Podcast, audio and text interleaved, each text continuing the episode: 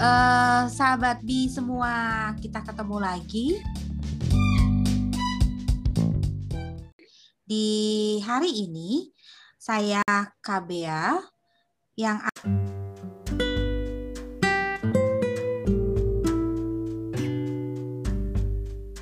akan uh, membahas tentang satu topik ya. Di sini kita sudah kedatangan uh, tamunya nih. Siapa tamu kita hari ini? Tamu kita hari ini kita bisa panggil dia adalah Kak Yo ya. Kak Yo adalah uh, profesinya saat ini adalah home based teacher. Home based teacher apa sih? Mungkin uh, sahabat masih asing ya mendengar kata home based teacher. Itu apa? Apakah guru home base apa itu rumah atau apa itu artinya ya. Nah, kita akan membahas itu bersama Kak Yo. Kak Yo akan menjelaskan uh, apa sih aktivitas Kak Yo sehari-hari dan apa yang menarik dari kegiatan Kak Yo yang bisa kita uh, ambil bersama-sama manfaatnya ya. Oke, sahabat, silahkan masuk Kak Yo. Selamat Halo.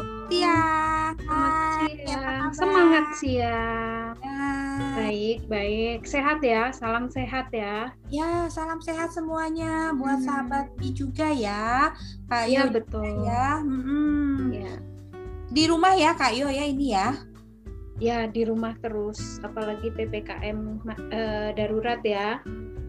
Iya, benar. Mm -mm. Nah, Kak Yo, uh, sahabat tuh pengen tahu, sahabat itu pengen tahu uh, home based teacher tuh apa, lalu kaitannya dengan uh, pembelajaran uh, pembelajaran anak-anak sekarang itu ada ada kaitannya nggak sih dengan dengan profesi Kak Yo sebagai home based teacher itu?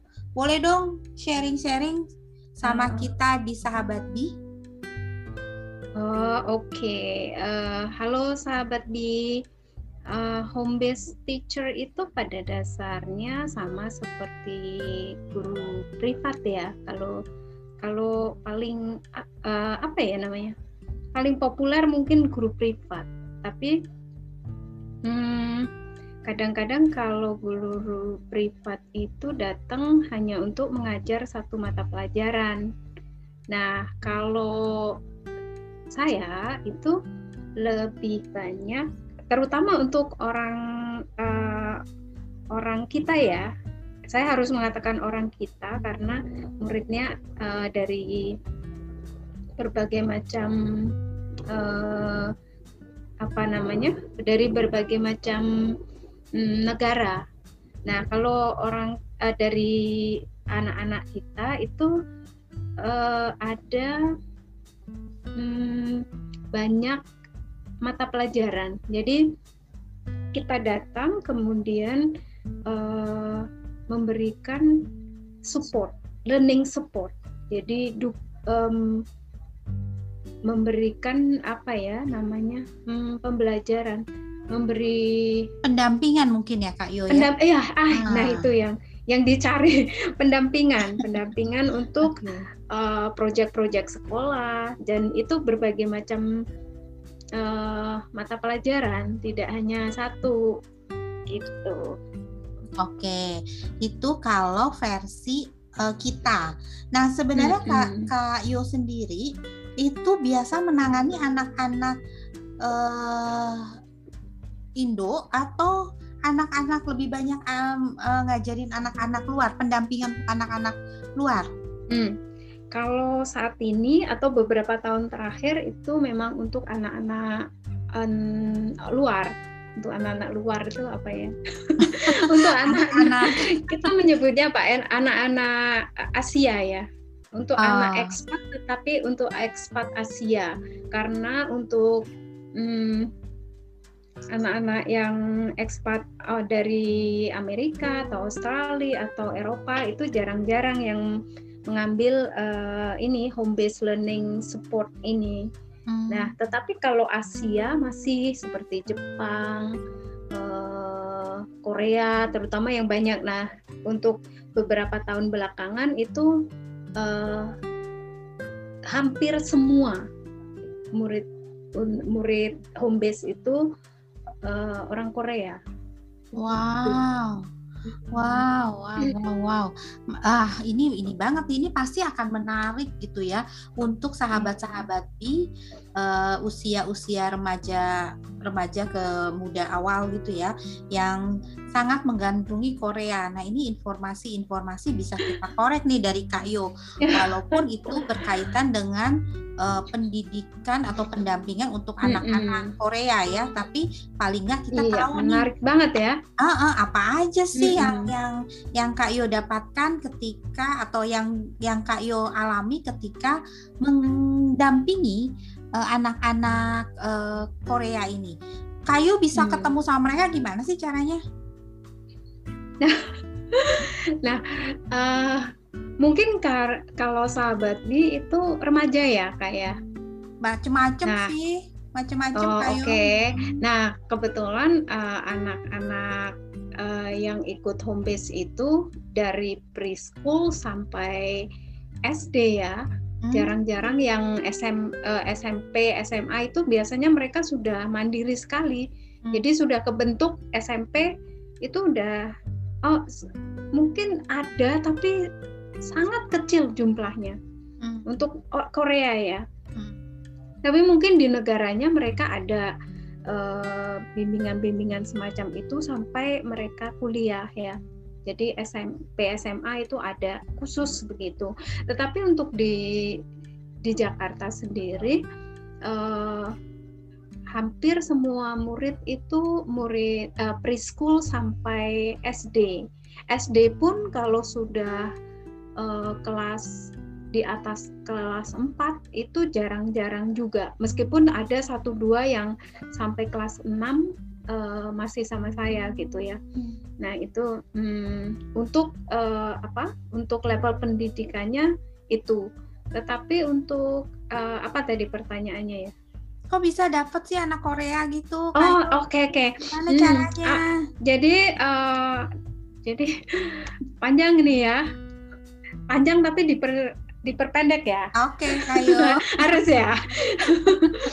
jadi background awalnya itu dari karena beberapa tahun itu sudah bekerja di sekolah internasional. Jadi pernah di sekolah Australia, di British, di uh, New Zealand gitu.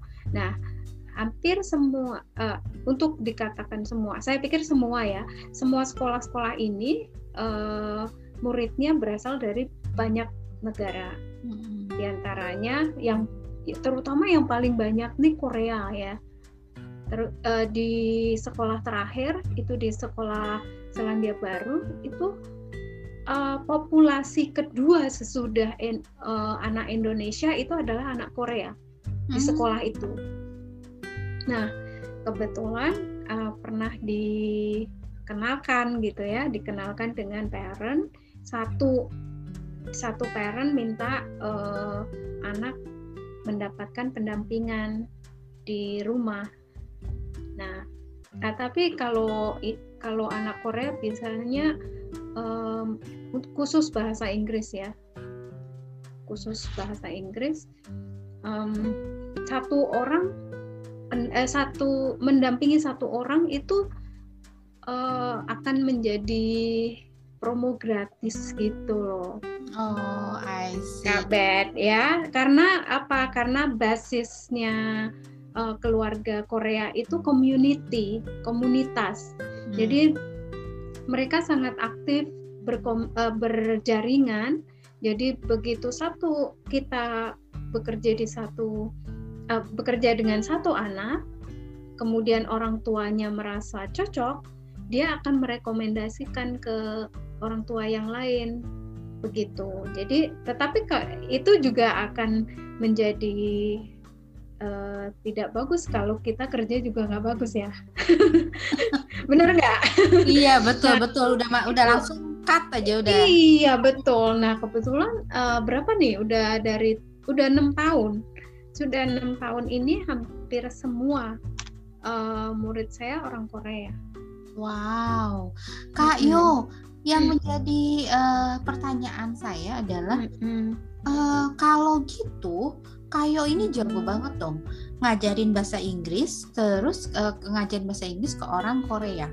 Berarti paling tidak Kayo itu harus bisa menguasai bahasa Inggris ya jelas lah ya kalau bahasa Inggris. Sahabat uh, perlu yeah, yeah. ada tambahan perkenalan nih tadi tuh Kayo belum memperkenalkan oh, iya. ya sebenarnya ya. Oh, oh iya iya iya. Hmm. Hmm. Boleh deh terlambat. Tapi sambil jalan boleh ya, boleh sambil lah, jalan boleh, mungkin iya, ya. ya. Hmm, hmm, hmm. Jadi ya, kenapa karena tuh ke... Kayo bisa ngajar bahasa Inggris ke orang Korea? Berarti kan harus memiliki skill ya kemampuan berbahasa yang uh, di, paling nggak bagus di dua bahasa itu tuh. Ya, ayo Punya sekalian memperkenalkan ya. diri deh Kayo. Ya, ya. Oke, uh, jadi memang uh, background pendidikannya di pendidikan bahasa Inggris. Hmm. Nah, Nah, ilmu ilmu mengajarnya karena dari uh, dari Universitas Guru IKIP mm -hmm. ya. Mm -hmm. Zaman dulu ada IKIP ya. Mm -hmm. Ini zaman ya, jadi kalau ketahuan itu, umurnya ini ya. Uh, kalau gitu bisa mm -hmm. ketebak ya sama uh, sahabat Bi berapa usia mm -hmm. usianya ya. Enggak, uh, iya betul. Gini, uh, jadi murid saya suka tanya, uh, how old are you? gitu kan biasanya. how old are you miss? gitu. Dan saya selalu jawab oh I'm not old. Ya terus bilang ah what do you mean? Maksudnya apa? Oh ya miss nggak pernah tua. How old are you? I'm not old. Saya bilang gitu. Dan mereka biasanya akan saya tanya e, kamu bisa guess nggak? Bisa tebak nggak? Gitu dan mereka mulai dan itu sesuatu yang menyenangkan ya. Hmm. guessing numbers gitu. Ah miss 20 ya? Oh iya 20 jadi mana mana umur yang paling muda ya? Itu yang saya ambil ah. ya enggak tapi ya, kalau kalau sahabat Bi uh, perlu diketahui karena kita adanya uh, ngobrolnya di podcast sahabat Bi nggak eh, nggak uh, bisa lihat uh, Kak Yo. Tapi sekedar informasi, apa yang Kak Yo sampaikan itu hampir benar. Jadi kalau dibilang 20, ya penampakan Kak Yo ya seperti itu. Ya, terima kasih, terima kasih. Ya, jadi Dan sekomplimen ya, saya akan ya, ya, ya, ya. Tolong nanti dikirim ya makanan apa gitu ya yang sudah. eh, tetapi benar ya, karena uh, saya pikir mengajar anak-anak itu membuat kita tidak pernah tua. Setuju. Ya, hmm. Karena ya, karena anak-anak itu uh, uh, memotivasi kita untuk selalu ber gembira, bahagia, uh, bahkan ketika mereka menampakkan kesedihan atau sedang apa ya, sedang sedih, sedang marah gitu, itu masih bisa membawa membawa aura uh, gembira ke kita. Jadi tidak ada alasan untuk cepat tua ketika kita mengajar anak-anak.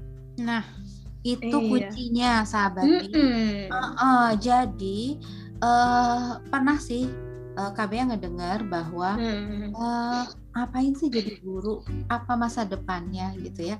Selain mm. uh, guru iya, atau iya. pendidik itu adalah suatu panggilan yang luar biasa ya Kayo ya iya. setuju ya iya uh, ya, itu adalah panggilan yang luar biasa yang tidak semua orang bisa dan mau untuk hmm. uh, berada di posisi tersebut. Tapi satu hal Betul. yang saya setuju sama Kayo tadi adalah bahwa ketika kita berada di dunia anak-anak, di dunia mereka, dunia kita tuh berasa uh, enjoy terus gitu ya. Iya, Terutama betul, ketika kita betul. ngajarnya anak-anak yang lebih kecil.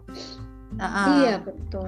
Karena dulu pernah, karena ada masa saya pernah mengajar Eh, anak-anak uh, yang anak SMA ya. Hmm. Jadi sebelum jadi saya baru mulai mengajar eh, anak-anak uh, umur SD itu baru 2008 padahal uh, apa ya nyemplung gitu ya hmm. nyemplung di dunia pendidikan itu sudah dari tahun ser, uh, 98 loh.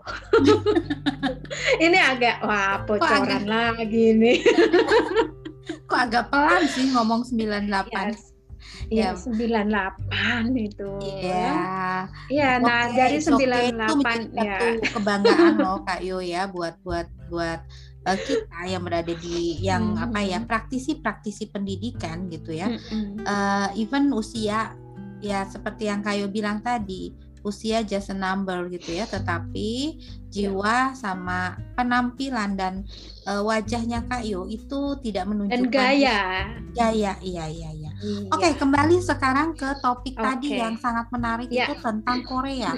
Jadi uh, kalau boleh uh, kita uh, KBA simpulkan dari apa yang Kak Yo uh, sampaikan bahwa Kak Yo dapat klien lah istilahnya dapat uh, hmm. uh, murid ya itu dari istilahnya dari mulut ke mulut gitu ya betul, karena betul. keberhasilan Kayo bisa mengajarkan satu orang Korea dan akhirnya Kayo bisa dapat banyak murid dan kebetulan jadinya ya, semua rekomendasi muridnya ya. rekomendasi dan akhirnya muridnya banyaknya adalah orang Korea. Nah, ya. kalau boleh sharing nih Kayo, sebenarnya tipikal anak-anak Korea itu seperti apa sih ketika mereka belajar? Hmm. Apakah uh, tipikal uh, yang ambisius? Apakah hmm. ada kan tipikal yang ah udahlah asal asal bisa atau tipikal yang seperti hmm. apa sih? gitu hmm. yang yang bisa kita pelajari. Oke, menarik banget loh ya ini. Uh, jadi tapi untuk uh, anak-anak anak-anak kita ya teman-teman dan sahabat bi jangan kemudian kecil hati ya karena uh, di mana-mana itu akan ada kesamaannya. Tetapi uh, yang saya lihat dari anak-anak uh, Korea itu disiplinnya, Kak Be Hmm. Jadi benar. Jadi uh, ini yang sudah ditemuin ya karena ada dari misalnya saya punya 10 murid itu bisa jadi dalam satu bulan itu bisa jadi orang orang Indonesianya itu hanya satu atau dua. Nah komparasinya jadi eh, apa? Jadi ada perbandingan ya. Nah anak-anak Korea itu ketika mereka punya jadwal itu disiplin sekali. Tetapi dis, uh, disiplin ini karena dibiasakan ya. Dan uh, dari kecil dari jadi anak-anak bahkan di usia yang uh, masih preschool itu ya. Saya mengajar anak itu ada yang mulai dari tiga setengah tahun. Itu sudah belajar bahasa Inggris. Hmm. Nah, uh, itu misalnya uh, saya punya jadwal jam 2, jam 2 mereka siap. Saya uh, punya jadwal jam 3, tank mereka udah siap di depan di uh, apa? Uh, meja gitu ya. Di meja dia. Hmm. Iya, hmm. iya, jadi punya meja khusus belajar kadang-kadang di ruang ruang apa namanya? ruang tidur dia, tapi hmm. selalu ada meja belajar. Nah, di situ dia udah siap, udah siap pensil, siap buku gitu ya itu. Dan uh, dan itu yang membuat kita juga merasa excited ya karena kita tidak perlu uh, tidak terlalu banyak uh, berurusan dengan uh, apa drama-drama uh, sebelum itu gitu ya. Karena anak memang benar-benar sudah oh jadwal kamu ini atau saya, sampai hari ini saya masih masih penasaran sebenarnya dengan cara uh, parent uh, ibu-ibu ya karena uh, kalau Korea itu yang paling banyak punya peran uh, untuk mendisiplinkan anak sebenarnya ibu. Oh. Nah, terus uh, paling nggak di di Indonesia ya karena yang bekerja ayah yang selalu keluar kan, mm-hmm. keluar rumah Nah, ibu yang di dalam yang di dalam rumah itu hampir 100% bertanggung jawab untuk itu. Dan hmm. itu salah, saya lihat selalu berhasil meskipun saya saya belum menemukan bagaimana sih caranya mendisiplinkan anak se uh, se seumur itu gitu, se, semudah itu sudah bisa di disiplinkan tapi an ya tetapi tidak dipaksa loh hmm. tidak dipaksa anak kalau kalau duduk di di depan meja dipaksa dan tidak dipaksa kan kelihatan ya. kelihatan ya, ya anaknya masih gembira masih nah mungkin Kak Patrick lebih tahu uh, itu ya tentang parenting ini gitu. Mm -hmm. Kalau saya masih penasaran aja gitu bagaimana caranya. Nah perbandingannya dengan beberapa anak yang yang saya temui, maksudnya anak-anak Indonesia. Tapi ini tentu tidak semua ya. Kebetulan kasusnya yang di yang saya temui seperti itu. Nah, datang itu masih dalam kondisi tidur, masih kondisi harus dibangunin, nanti dibangunin masih mainan iPad gitu begitu nah itu kan gitu jadi uh, saya punya waktu satu jam saja tapi satu jam itu bisa molor sampai tiga jam karena masih harus mempersiapkan anak ini untuk untuk siap. Jadi jam 7 seharusnya kita sudah eh, mulai, jam 7 teng gitu saya sudah siap, kita masih uh, begitu ya drama-drama itu sampai jam 8 gitu. Itu itu terjadi. Dan uh, dari yang saya apa namanya saya dampingi itu tidak semua tetapi polanya seperti itu. Gitu. Oke, jadi itu itu luar biasa kalau disiplin. Oke, okay, oh, jadi salah satu kelebihan mereka adalah ini kasus yang jadi kita nggak bicara secara global ya, tapi hanya yeah, yeah. dari Kayo bahwa mm -mm, betul betul meng, apa, menghadapi anak-anak yang begitu disiplin, ya begitu disiplin, betul. tahu aturan gitu ya, uh, bahkan yeah. pada usia dini gitu ya pada usia. Betul betul. Ini hmm. uh, apa ya? Ini tidak kita tidak menganggap bahwa semua seperti itu. Pasti ada anak-anak yang juga bisa jadi tidak disiplin, tapi kebetulan kita menemukan kok ham, uh, let's say 90% atau hampir semua, hampir ya. Hampir semua artinya ada satu dua yang tidak gitu.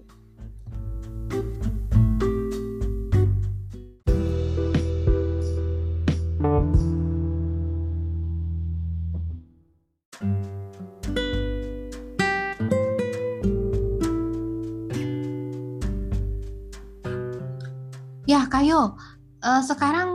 Yang menjadi pertanyaannya adalah kenapa kalau kita bandingin ya uh, orang tua uh, orang tua orang tua muda di Indonesia dengan dengan mereka gitu ya dengan orang tua orang tua uh, yang Korea yang berarti mereka ada di Indonesia karena mengikuti suami mereka yang bekerja di Indo gitu ya Kayo ya.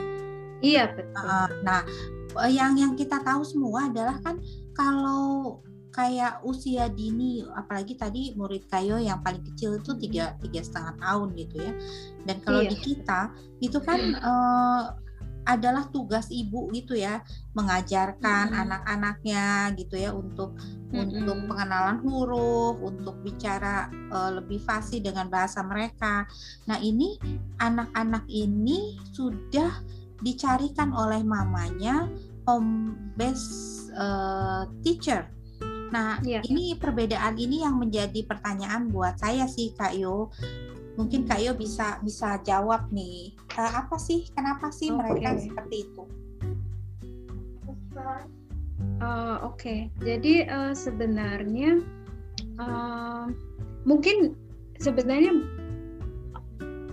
orang-orang, eh, sorry, ibu-ibu di Indonesia juga uh, ini ya, juga punya uh, problem yang sama, tetapi mungkin uh, karena apa namanya tuntutannya belum hmm. tuntutan untuk untuk kita untuk keluarga-keluarga Indonesia bahwa anak harus bisa bahasa Inggris itu kan belum belum sebesar hmm, orang tua orang tua Korea ya. Hmm. Nah orang orang Korea melihat bahwa uh, anak harus bisa sedini mungkin uh, berbahasa asing. Mereka tidak hanya berbahasa Inggris loh ya, bahasa Indonesia juga. jadi mereka belajar bahasa Indonesia tapi uh, tidak kalau bahasa Indonesia uh, tidak selalu harus belajar dari guru kan karena ada kakak di rumah jadi mereka kadang belajar uh, langsung dari kakak kakak itu uh, asisten oh. uh, neni sorry neni dari oh. neni okay. dan mereka bicara bahasa Indonesia kan nah um, sama sebenarnya dengan tugas ibu-ibu uh, di Indonesia bahwa uh, ibu-ibu Korea juga mengajari anak-anaknya bahasa ibu, bahasa mereka sendiri yang mungkin lebih sulit ya karena mereka pakai pakai Hangul kan. Hmm. Jadi mereka pakai Hangul, pakai bahasa eh pakai huruf-huruf Korea itu um, dan itu tingkatnya lebih sulit sehingga sebenarnya beban untuk anak-anak Korea itu anak Korea dan Jepang saya pikir ya tapi dalam kasus ini karena saya hanya punya murid yang Korea.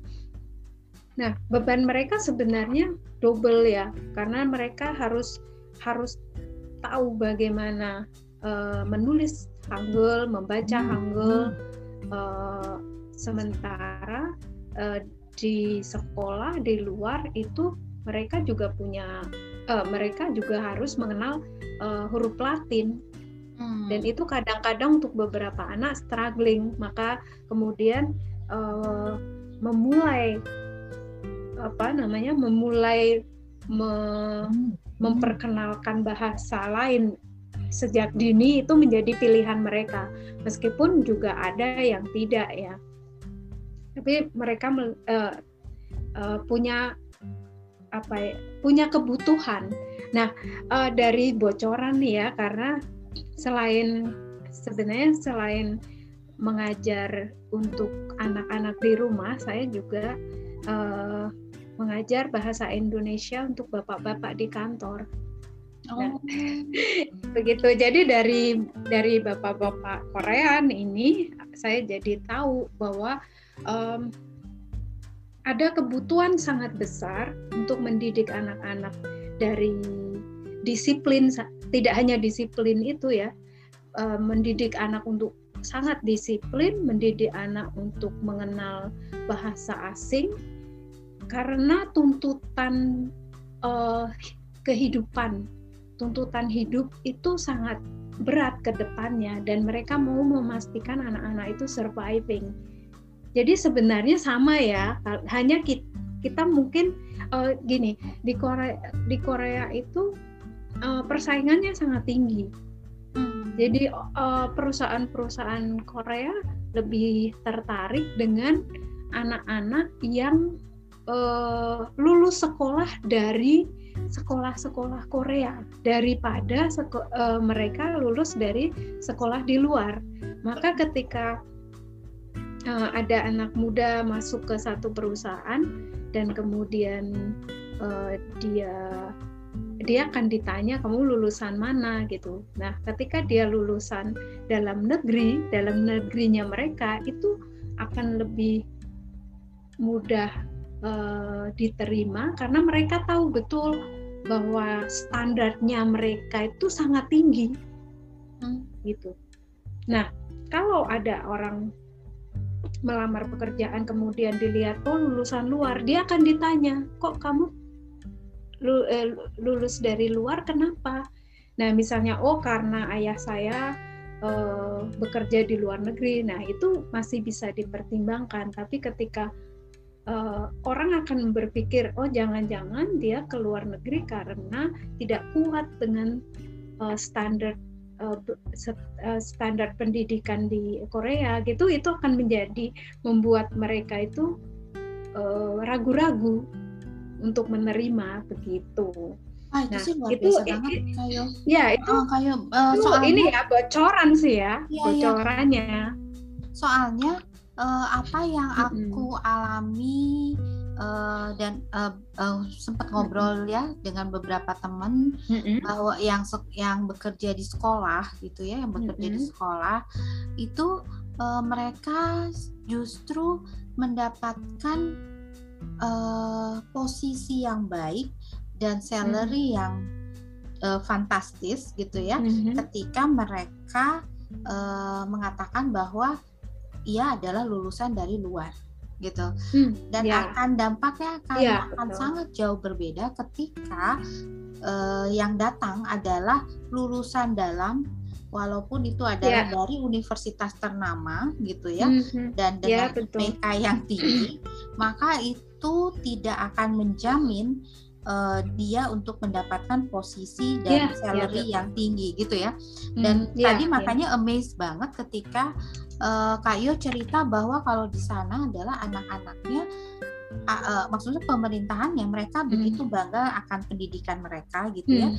dan mereka akan mengakui bahwa uh, orangnya atau anak-anak yang keluar atau lulus dari universitas tertentu tapi di hmm. Korea atau di ya di sekolah di, di negara mereka itu yang justru mendapat kesempatan jauh lebih besar dibandingkan mm-hmm. uh, orang-orang atau pelajar-pelajar yang lulusan dari luar ya ini adalah mm-hmm. salah satu yang uh, poin yang menurut saya perlu di highlight dan harus kita pelajari ini ini ya jadi mm-hmm. untuk sahabat-sahabat di luar sana bahwa uh, ya yang masih muda yang kita belum tahu masa depan kita seperti apa bahkan mungkin uh, ada salah satu di antara sahabat B ini ada bisa menjadi menteri pendidikan atau apa ya, ya. betul jadi, jadi uh, ini bisa amin, amin. menjadi satu masukan ya bahwa kenapa ya. nih kita nggak bisa menjadi uh, pendidikan kita tidak bisa menjadi uh, suatu yang bisa dibanggakan di ru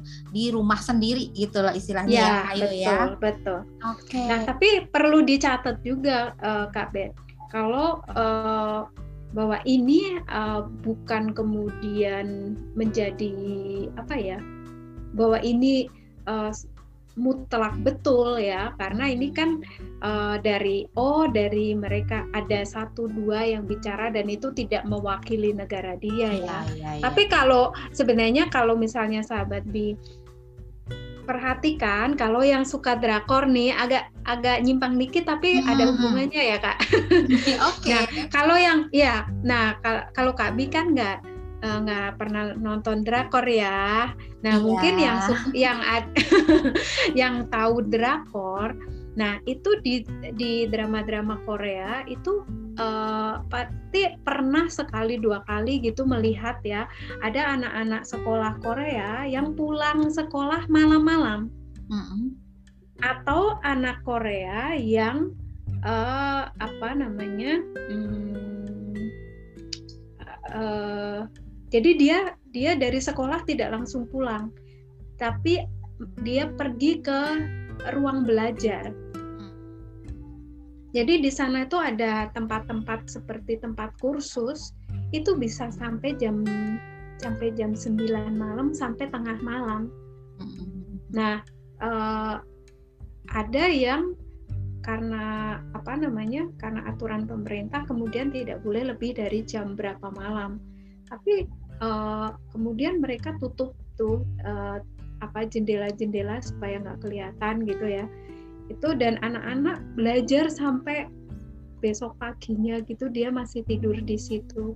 Ada yang sampai seperti itu. Nah hmm. awalnya saya pernah uh, apa ya pernah menemukan itu di satu atau dua hmm, drama Korea dan saya masih berpikir oh mungkin nih cuma cerita cerita dramanya aja gitu ya.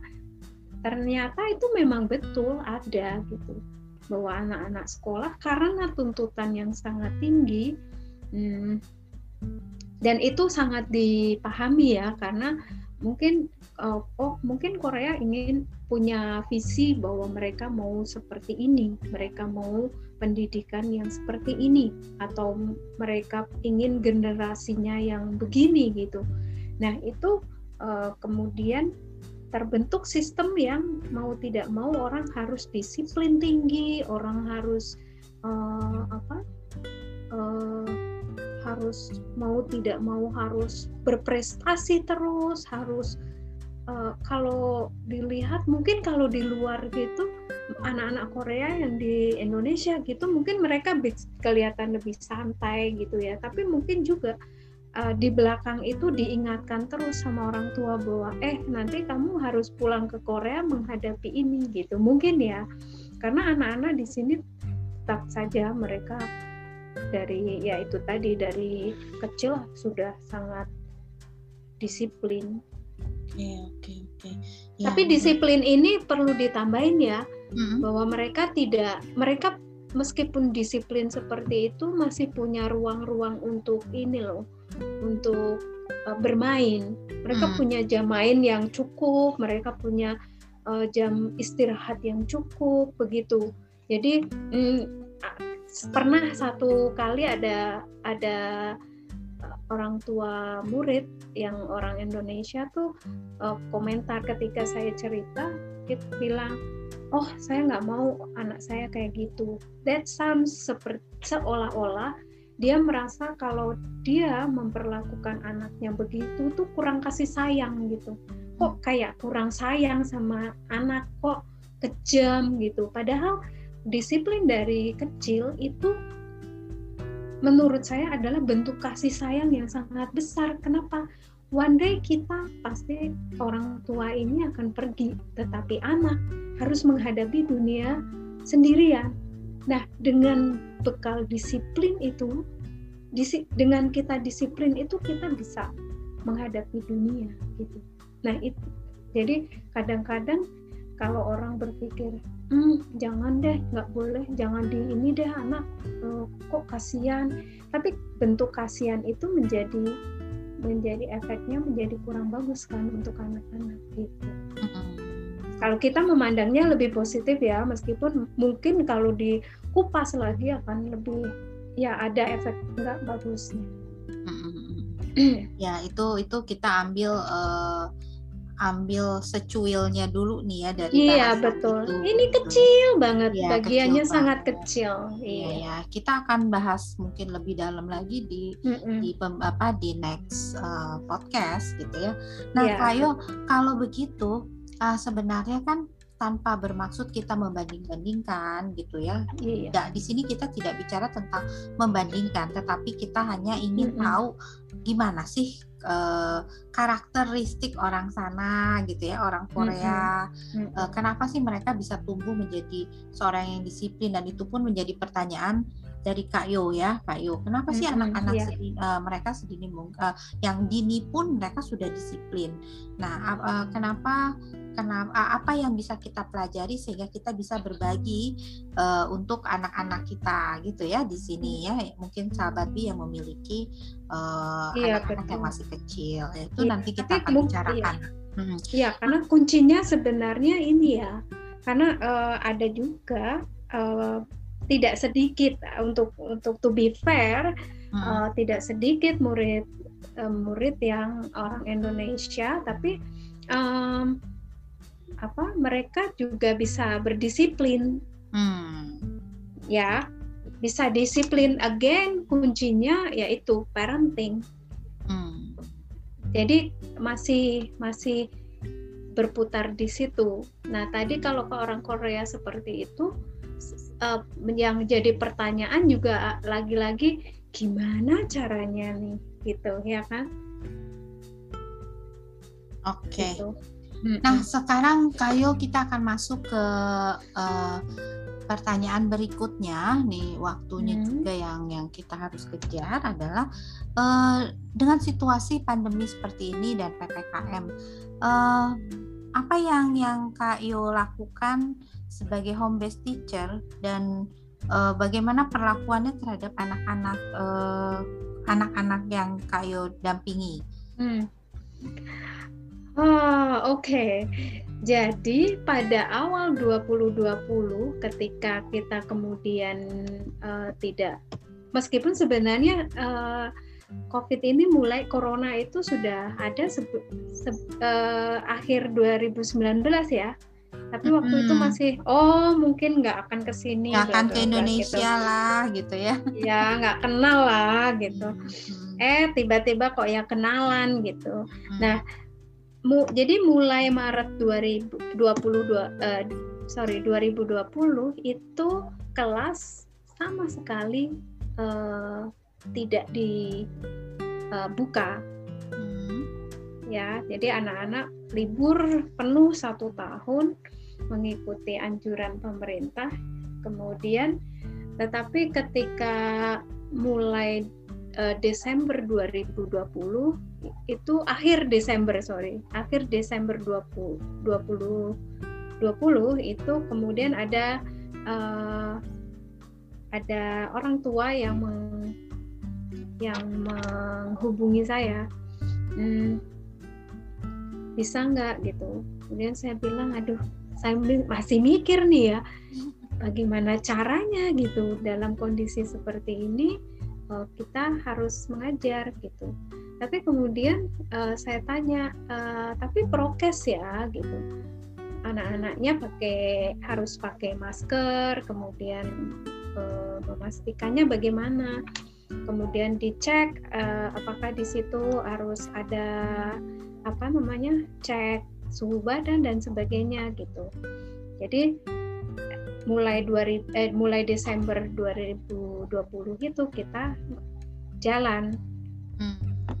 Jalan lagi ya tapi tetap harus prokes uh, harus ya. protokol kesehatan ya jadi mengajar harus membiasakan diri mengajar dengan uh, apa uh, dengan masker hmm. memastikan rajin cuci tangan gitu karena kita juga uh, saya juga nggak mau sampai anak-anak hmm, apa sampai Terpapar kita tidak gitu mau ya. ya tidak mau memberi potensi buruk gitu ya.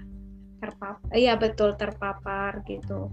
Nah, pandangan hmm, pandangan mereka gimana sih kayu uh, terhadap tentang, situasi di Indonesia?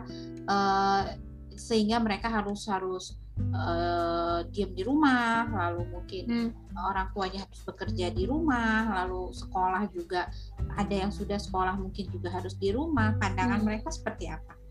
Oke, okay. uh, kalau saya tidak keliru memahami di ini bukan dari orang tua ya, bukan dari orang tua murid, tapi dari teman-teman di Korea itu uh, seingat saya uh, uh, pemerintah Korea itu tidak me, tidak pernah uh, sorry itu untuk tidak mengatakan tidak pernah ya, tidak melakukan uh, lockdown ya, tidak pernah melakukan lockdown atau karantina wilayah dan semacamnya. Tetapi lagi-lagi disiplin. Jadi uh, masyarakat tetap ber uh, beraktivitas seperti biasa, tetapi butuh uh, prokes tadi. Disiplin dengan jaga jarak dengan itu itu awal awalnya hmm. nah itu kalau di sana. Tetapi orang-orang yang di sini ya patuh kepada anjuran pemerintah sini. Kalau nggak boleh kerja mereka kerja di rumah kan gitu. Nah tapi mungkin ada beberapa yang tidak.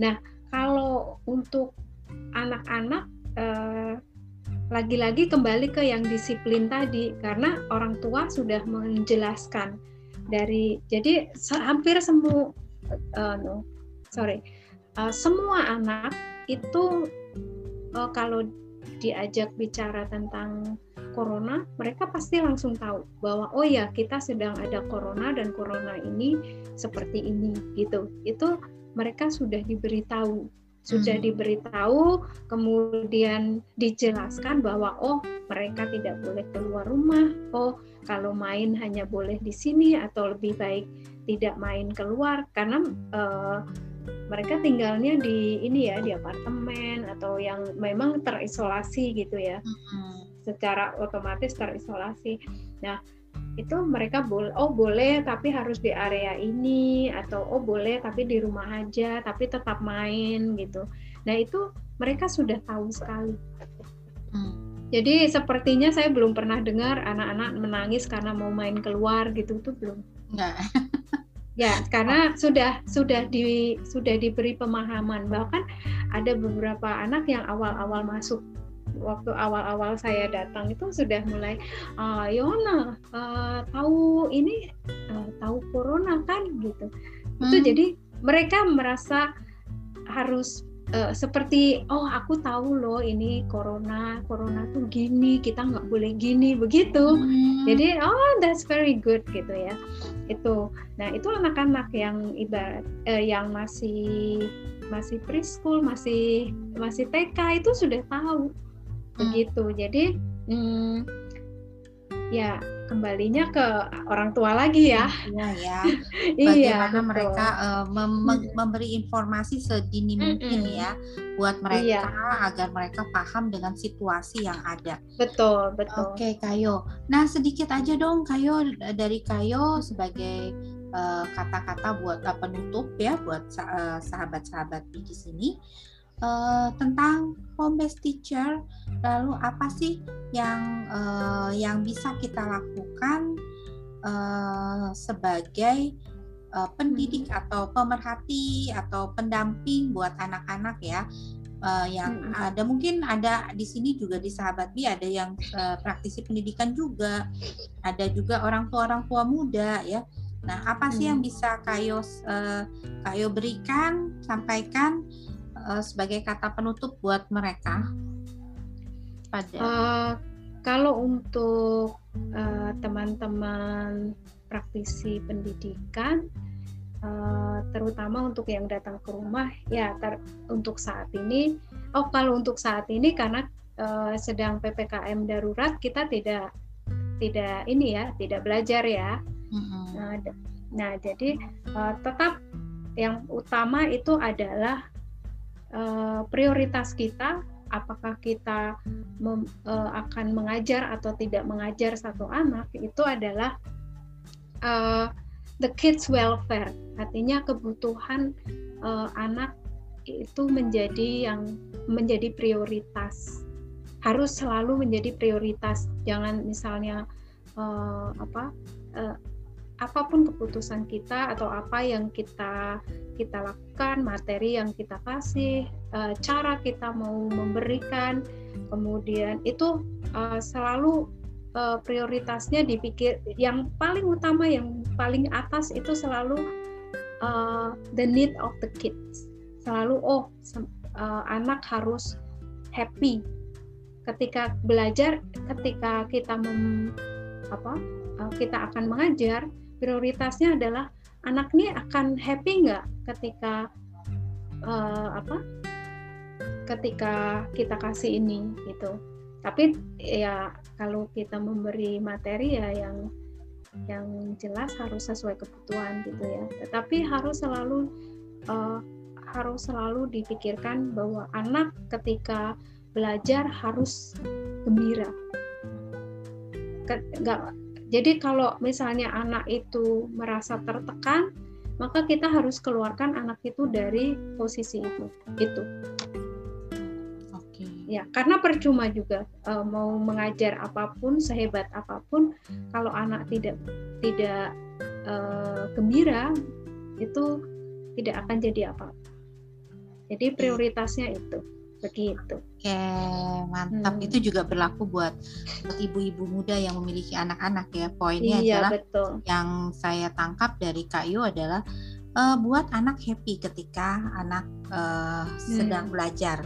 Ketika betul. kita menyampaikan materi pembelajaran apa pun itu uh, hmm. bikin anak happy dulu gitu ya dan mau betul, betul. Uh, apa uh, ketika anak happy dia pasti akan mau untuk mengikuti apa yang uh, akan kita berikan materi akan kita berikan ya gitu ya kayu ya, ya. Betul. Okay. Tapi catatan juga ya Kak Patrick bahwa uh, satu, satu lagi ya okay, okay. sedikit aja hmm, hanya memastikan bahwa uh, apa yang kita obrolkan di sini itu hanya berdasar uh, pengalaman jadi teman-teman uh, misalnya punya pengalaman yang berbeda ya maka uh, pengalaman saya bisa jadi tidak berlaku untuk kondisi yang lain gitu ya.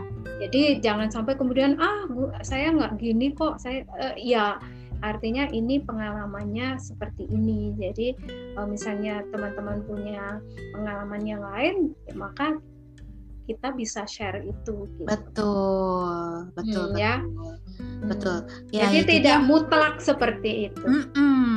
Di sini yang kita perbincangkan itu adalah uh, apa yang kita alami ya Kak Yu ya. Mm-mm, Jadi betul. kalau Hmm. sahabat-sahabat Bi yang lain punya pengalaman lain, ayo sharing sehingga Hmm. bisa menjadi pembelajaran tambahan buat teman-teman yang lain juga. Nah, dari per- perbincangan kita hari ini, saya menemukan eh, beberapa hal ya yang yang menarik ya bahwa eh, kedisiplinan itu penting yang perlu kita ajarkan buat anak-anak kita. Tidak terlepas eh, tidak terlepas eh, negara atau apa gitu ya, tetapi Betul. dalam ilmu psikologi, dalam ilmu yang apa dalam apa yang ditanamkan oleh orang tua orang tua kita gitu ya dari zaman dulu pun bahwa sebenarnya kedisiplinan sejak dini itu sangat baik dan uh, kita sebagai orang tua akan memetik hasilnya ketika anak-anak sudah beranjak dewasa beranjak tumbuh tumbuh ya lebih betul, betul. Nah, dan kita akan akan Bahwa ya, hasil bahwa dari disiplin itu juga bukan bukan bentuk kita nggak sayang anak itu bukan. betul Ya kan? Ada beberapa orang tua yang merasa begitu. Jangan merasa seperti itu. Mm-mm. Next next pembi- perbincangan kita mungkin kita akan bahas itu tentang apa Ya. itu dari uh, berbagai sudut pandang ya. Ya, Ini betul. menarik juga nih Kak Yo ya. Oke. Nah, yang kedua adalah bagaimana kita mendidik uh, anak-anak ya, anak-anak.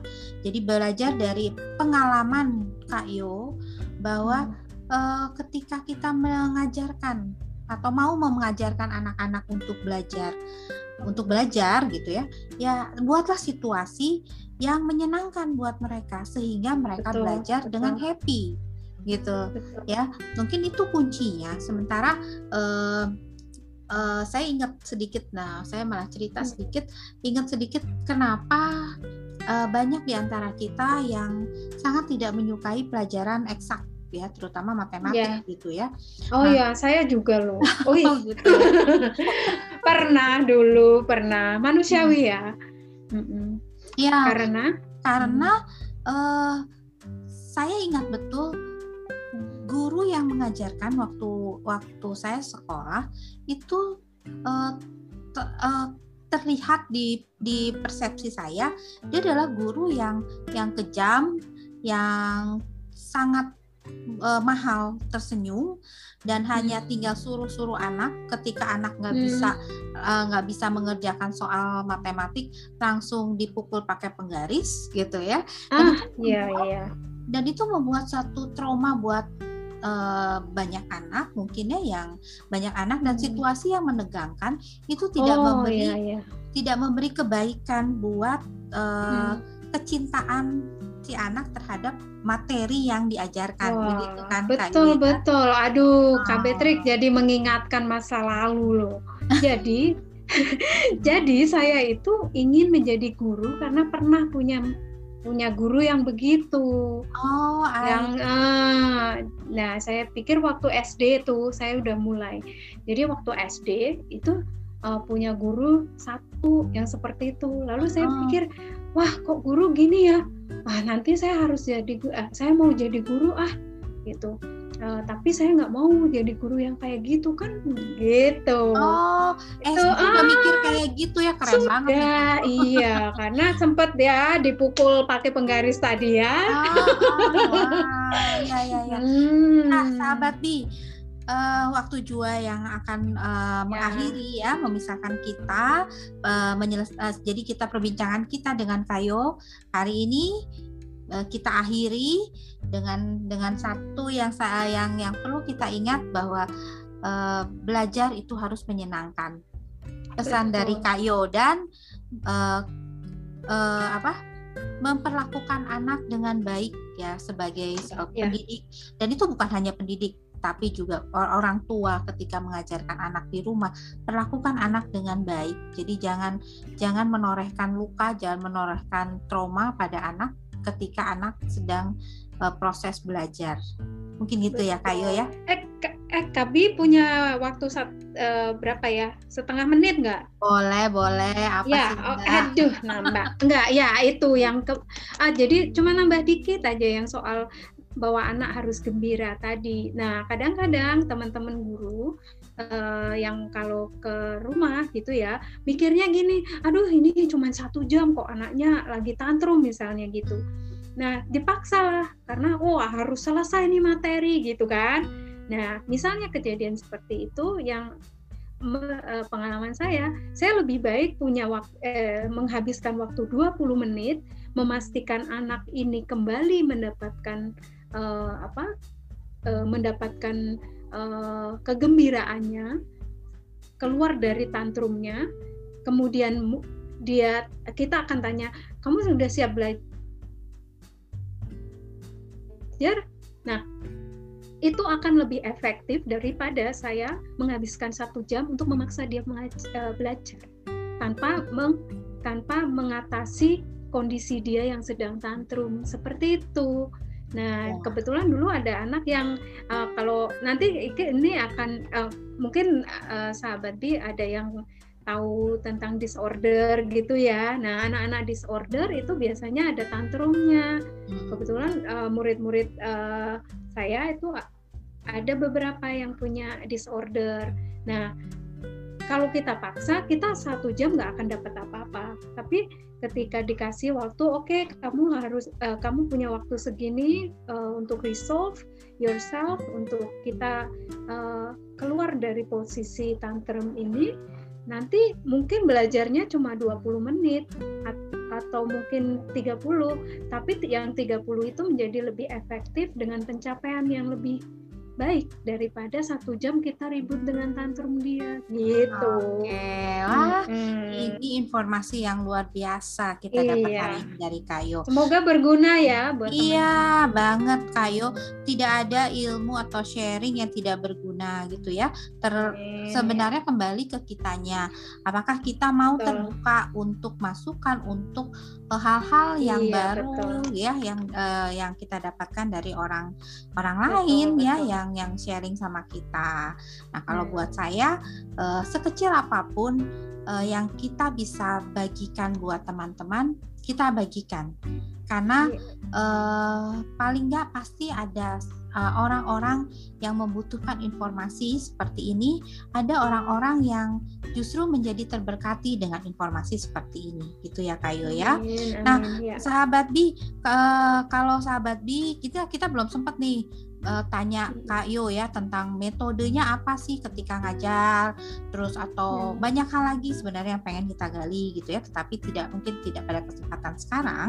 Nah, uh, sahabat Pi bisa melihat IG-nya Kak Yo ya uh, dan boleh memfollownya, bisa men-share-nya juga kegiatan-kegiatan Kak Yo ketika mengajar uh, bersama atau berinteraksi juga mendampingi anak-anak uh, ininya ya anak-anak home base uh, home base-nya.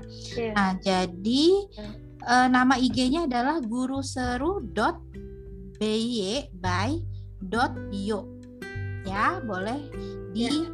di follow boleh dilihat juga guru seru dot by dot bio nah di sana yeah. tapi hampir nggak ada foto, foto anaknya ya kak Ya, Karena ya, kita nggak boleh ya. Mm-mm. Adanya adalah metode-metode. Jadi di situ uh, kita bisa lihat bahwa Kak Yo begitu uh, sama dengan nama IG-nya ya, guru seru. Jadi begitu seru pembelajarannya ya. Seru banget pokoknya. Kalau saya anak kecil kayaknya saya happy banget berada bersama Kak Yo. Iya, hmm. suka ditungguin loh di ini depan lift. wow. Udah anaknya nungguin di depan lift, ayo gitu.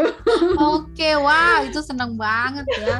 Oke, jadi Main tadi Kayo, ya. Kayo selain home based teacher mm -hmm. juga uh, uh, juga sebagai pengajar untuk mengajarkan bahasa Indonesia untuk ekspat yeah. ya. Yang iya, saya tahu Kayo juga uh, mengajarkan uh, pelajaran bahasa Indonesia buat tidak ekspat dari Korea, di Asia tapi juga ada, ada hmm. uh, dari Amerika, dari Australia. Uh, Kayo hmm. sempat sempat tangani itu ya. Oke, sahabat iya. Bi, pertemuan kita hari ini kita akhiri. Terima kasih banyak Kayo. Terima kita kasih juga waktu. seru banget eh. Iya, kita akan atur hmm. waktu lagi, kita akan ngobrol untuk tema-tema yang berikutnya. Sahabat Bi boleh okay. usul apa nih yang mau kita bahas bersama Kak Yo di uh, sesi berikutnya. Oke, okay, sampai okay. ketemu. Salam sehat buat Terima uh, kasih. Semua jaga hmm. kesehatan, jaga orang-orang yang kita kasihi untuk terus menjaga protokol kesehatan supaya kita tetap dalam keadaan yang prima. Bye bye. Bye.